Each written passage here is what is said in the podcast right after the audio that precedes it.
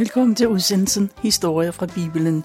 Mit navn er Tove Christensen, og teknikken sidder Jan Nørgaard.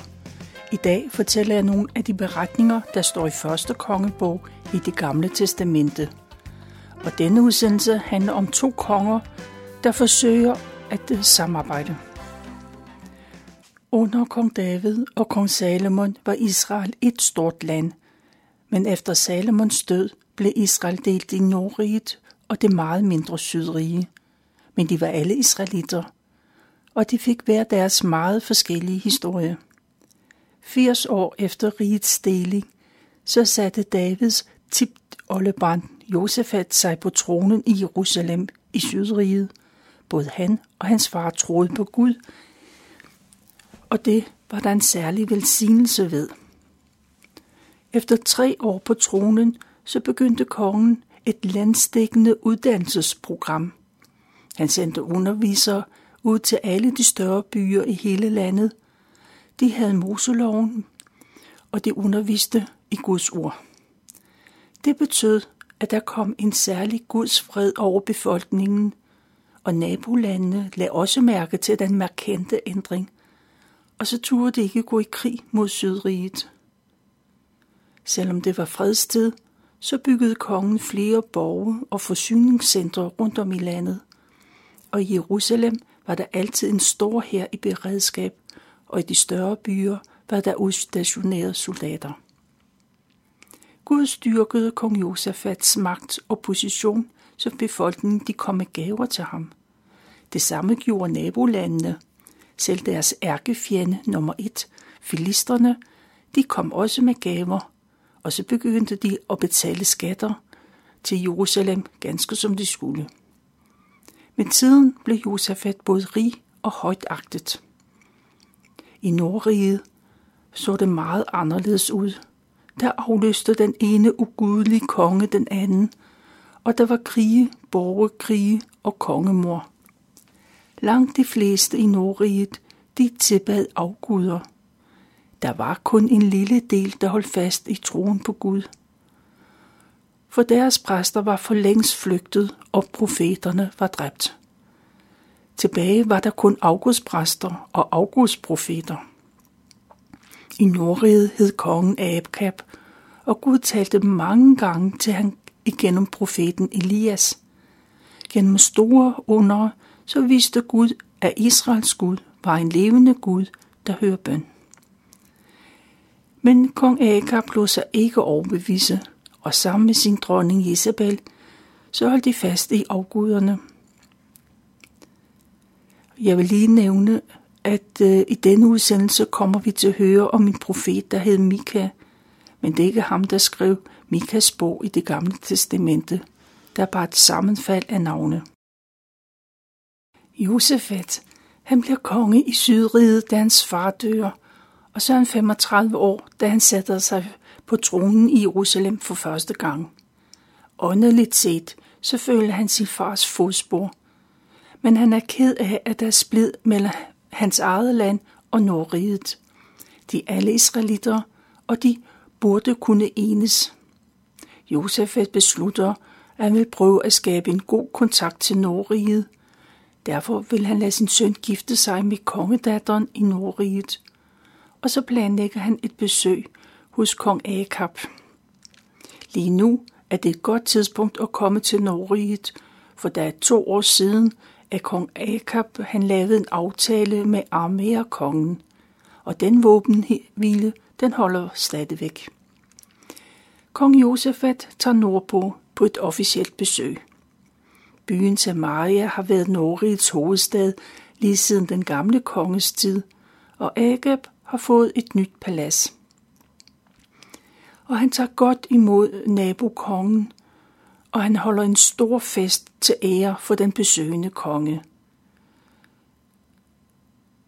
Begge konger har deres kongekåber på, da Akab viser rundt i sit palads. Han viser blandt andet de kunstfærdige udsmykninger, der er lavet af elfenben, og Josafat, han beundrer det hele. De går gennem Samarias gader, de ser på forretninger og folkelivet. Til sidst kommer de uden for byporten, og der gør de holdt på en af tærskepladserne. De to konger sad i deres kongedragter på hver deres tronstol derude. De sidder og ser ud over markerne, de ser på de små landsbyer og på Samarias bjerge. Akabs embedsmænd er der også, og talen falder på, hvordan det går i de to kongeriger. I løbet af samtalen så siger Nordrigets konge, at det er ærgerligt, og det er alt for galt, at en af Nordrigets byer er besat af aramæerne. Det har den været i årtier, men hverken kong Akab eller nogen anden har gjort noget for at få aramæerne ud af den israelitiske by. Så vender Øh, Akab sig mod Judas konge, Sydrigets konge, og spørger, Vil du hjælpe mig med at befri byen? Josefat, han vil gerne være imødekommende og siger, Vi er jo forbundsfælder, du og jeg. Vores folk vil kæmpe side om side, og mine heste står til din disposition. Men Sydrigets konge undrer sig, for de må da spørge Gud først. Er krigen efter Guds vilje, eller er det ikke? Akab han accepterer det forslag, og så sender han bud efter sine 400 augustprofeter. Han spørger dem, skal vi angribe byen eller ej? Profeterne svarer med det samme, ja, du skal gå til angreb, for Gud vil give dig sejr. Men Josefet er ikke tilfreds, for han ser jo kun Augusts profeter. Er der ikke en Guds profet, de kan spørge? Og så må Akab indrømme, at der er kun en enkelt en af slagsen, nemlig profeten Mika. Men kong Akab kan ikke lide ham, for han profeterer altid ulykker, og han kommer aldrig med noget godt. Josefat er forarvet, for Guds profeter skal man ikke tale dårligt om, for så taler man jo dårligt om Gud.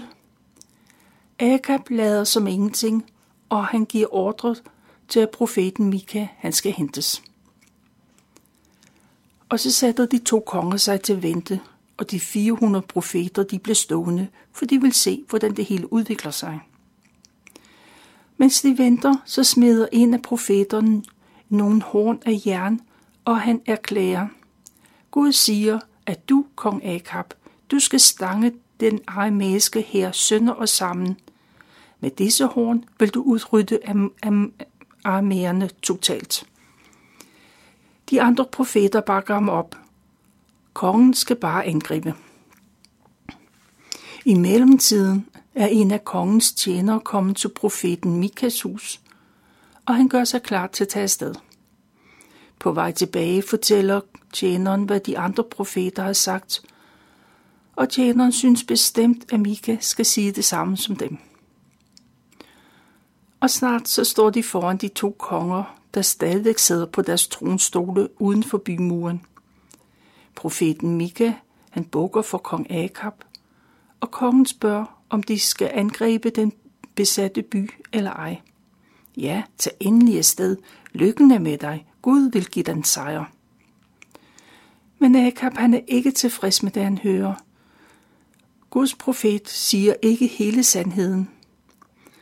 Og så indrømmer profeten, at han har haft et syn. Han så, at Nordrigets folk var spredt ud over bjergene som får, der ingen hyrder har. Og Gud sagde, kongen er død, send folket hjem. Kong Akab, han vender sig beklagende mod Josefat.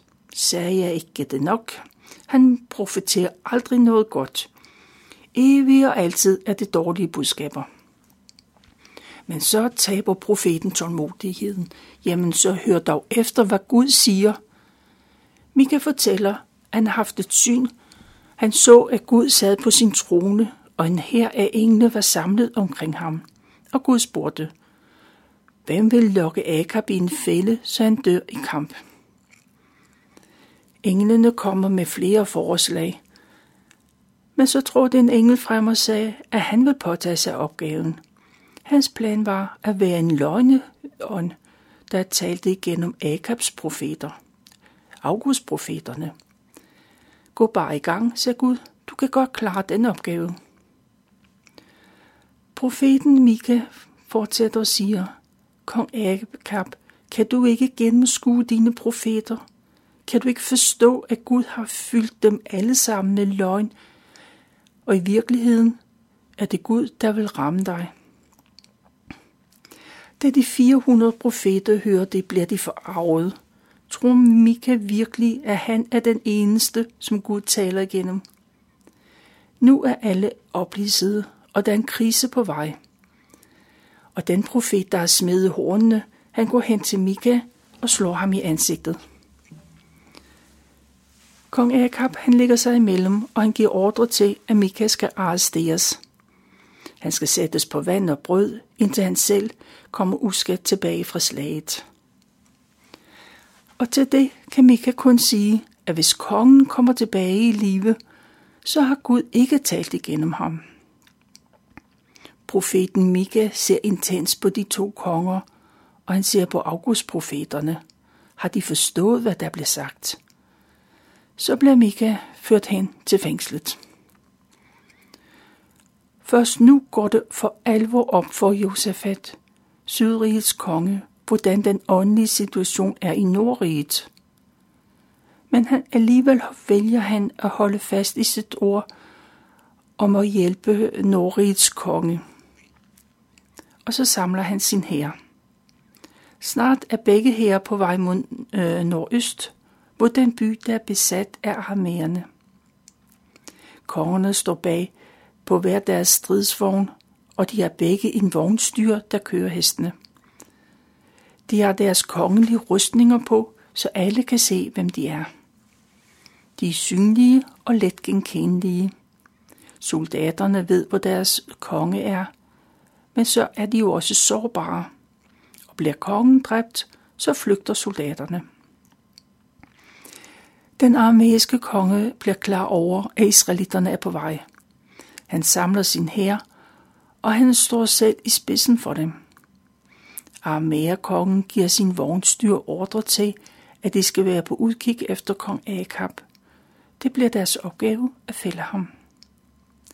Israelitternes hær er næsten nået frem til byen, da Nordrigets kong Akab siger, at han vil skifte tøj, så han ligner en almindelig øh, soldat.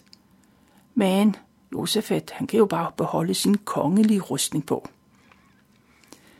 Alle herenheder er klar, og slaget begynder. Armæernes vognstyre, de er på udkæft, kigge efter kongens rustning, og så får de øje på Sydrigets kong Josefat og kører hen imod ham. Josefat ser vognen nærme sig, og han ved, at nu er det ude med ham. Og så råber han til Gud og råber om hjælp. Det råb hører aramæerne, og de bliver opmærksom på, at det er den forkerte konge. Så drejer de af og kører væk. Bag på en af armæernes vogne, så står der en bueskytte, og han sender en pil afsted. Den har ikke nogen bestemt adresse, men pilen borer sig ind i kong Akabs brynje. Norisk konge er ramt. Lad os komme væk. Jeg er hårdt såret, siger han. Vognstyren har svært ved at høre, hvad kongen stønner, men han får kongen af vejen, og med ren viljestyrke bliver han stående i vognen, så hans soldater kan se ham. Kampene bliver mere og mere intens, men jo længere tid der går, jo sværere er det for kongen at holde sig oprejst. Han mister mere og mere blod, og hen under aften, så dør han. Ved solnedgang, så går der som en løbeild gennem det israelitiske her, at deres konge er død. Lad os gå hjem, siger soldaterne, og så tager de Akabs lig og vender tilbage til Samaria. Der blev kongen begravet, og hans søn bliver konge efter ham. Josafat, han slipper uskat fra kampene, og lige efter kong Akabs begravelse, så forlader han Samaria og Nordriget. Han tager tilbage til sit palads i Jerusalem. Der får han besøg af profeten Jehu, som spørger, om det er rigtigt at slutte sig sammen med den gudløse Nordrige. Han hjælper dem, selvom de har vendt Gud ryggen. fordi han har handlet på den måde, så skal Guds vrede komme over kongen. Men profeten fortsætter. Det kan godt være, at Josefat han har handlet forkert, men det er ikke alt, hvad han har lavet, der er skidt. For han har også fjernet de sidste afgudersteder i landet. Dem, som hans far ikke fik held til at fjerne. Og så søger han Gud af et oprigtigt hjerte. Kongen hører alvoren bag profetens ord, og han har fået en lærestreg. Et reelt forlig med Nordriget, det kan først ske når og hvis de begynder at tro på Israels Gud. Josefet koncentrerer sig om at regere i Jerusalem og i Sydriget. Han rejser fra nord til syd for at opmuntre folk til at holde fast i troen på Gud. Kongen udnævner dommere i alle de større byer, og han taler til dommerne. Han minder dem om, at de har et særligt ansvar, for at de skal stå til regnskab over for Gud, ikke over for mennesker. Og må Gud give dem visdom til at dømme retfærdigt. Josefat pointerer, at Gud ikke tolererer uretfærdige dommer, heller ikke bestikkelse eller partiskhed. I Jerusalem blev en præst udnævnt til at være dommer i religiøse spørgsmål, og et slægtsoverhoved skal være dommer i de civile retssager. De skal tage sig af de sværeste ting. Derudover skal de undervise og vejlede dommerne ud i landet, så de dømmer retfærdigt. Josefat opmuntrede dem til at være frimodige i opgaven, og må Gud være med dem, så de gør det rette. I Sydriget lever man længe i fred og fordragelighed. Men så slår tre folkeslag sig sammen. Moabitterne, Ammonitterne og et nomadefolk fra Edoms bjergland, de går sammen, og de bliver til en kæmpe her. Deres plan er at indtage Sydriget. Josefat erfarer, at den store her er på vej imod dem. Det ryster ham, for han er ikke vant til, at hans land er i krig. Josefat søger Gud og spørger om hjælp, og han har brug for opbakning. Derfor udråber han en fastedag i hele landet. Og folk kommer fra alle egne for at bede til Gud. Mænd, kvinder og børn samles på tempelpladsen i Jerusalem. Kongen kommer til templet, og han stiller sig op foran forsamlingen, og han beder en bøn. Han beder, Herre, vor forfædres Gud, du har den højeste magt, og ingen kan besejre dig. Vi bliver angrebet af en stor hær. Gud, du må stanse dem, for vi står magtesløse. Vi ved ikke, hvad vi skal gøre, men vi stoler på din hjælp. Og i det samme så kommer Guds ånd over en af tempeltjenerne. Han råber, så alle kan høre det.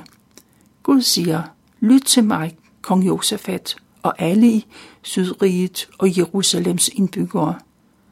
Vær ikke bange, for det er ikke jeres kamp, det er Guds. I morgen skal jeres soldater gå i krig. Fjenden vil komme imod jer, og I vil kunne se dem for enden af dalen. Men I skal ikke kæmpe imod dem. I skal bare tage opstilling. Så skal I se, at Gud giver jer sejr. Profeten gentager, at de ikke skal være bange og tabe modet, for i morgen skal de gå fjenden i møde, og Gud vil være med dem.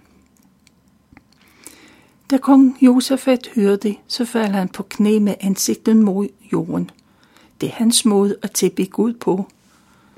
Og alle på tempelpladsen, de følger kongens eksempel. Så er der nogle af levitterne, tempeltjenerne, der rejser sig, og de bryder ud i en vældig lovsang. De takker Gud, Israels Gud. Tidligt næste morgen gør soldaterne sig klar til at gå fjenden i møde. Det kan være en og anden har tænkt, hvad det skal ende med. Men kongen opmuntrer sine soldater. Stol på Gud, så skal det lykkes for jer. Og i samråd med landets ledere, så tager kongen en beslutning om, at templets sangere, de skal gå foran soldaterne. Gud i form af de civile tempelmedarbejdere går foran.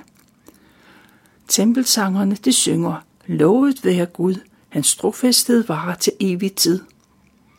På den måde går de israelitiske soldater i krig. På samme tid skaber Gud panik i fjendens hær. I stedet for at vente på øh, øh, israelitterne, så begynder de at slå hinanden ihjel. Først går ammonitterne og moabitterne, øh, de slår sig sammen, og nomade folken bliver slået ihjel. Og bagefter så dræber de hinanden. Israelitterne når til det sted, hvor de kan se ned i ørkendalen. Der ser de døde kroppe, så langt øjet rækker. Ikke en eneste har overlevet. Kong Josefat og hans soldater går hen til de døde for at få fat i krigsbyttet. De samler mad, udstyr og kostbarheder sammen. Det tager dem tre dage at komme igennem det hele. Den fjerde dag samles man, og de lovpriser Gud for sejren. Lovprisningsdalen kommer det sted til heden. Men kongen i spidsen, så vender de tilbage til Jerusalem. Soldaterne går i triumf tog gennem byen og op til templet, og der lovpriser de igen Gud. Snart hører nabokongerne om, hvad der er sket, og ingen af dem er i tvivl om, at Israels Gud har været med dem. Det giver så stor respekt om dem, at ingen tør angribe Sydriget. På den måde giver Gud Josefat fred i de 25 år, han er konge i Sydriget. Det er, hvad jeg valgte at fortælle fra 2. krønikebog, kapitel 19 og 20, og fra 1. kongebog, kapitel 22.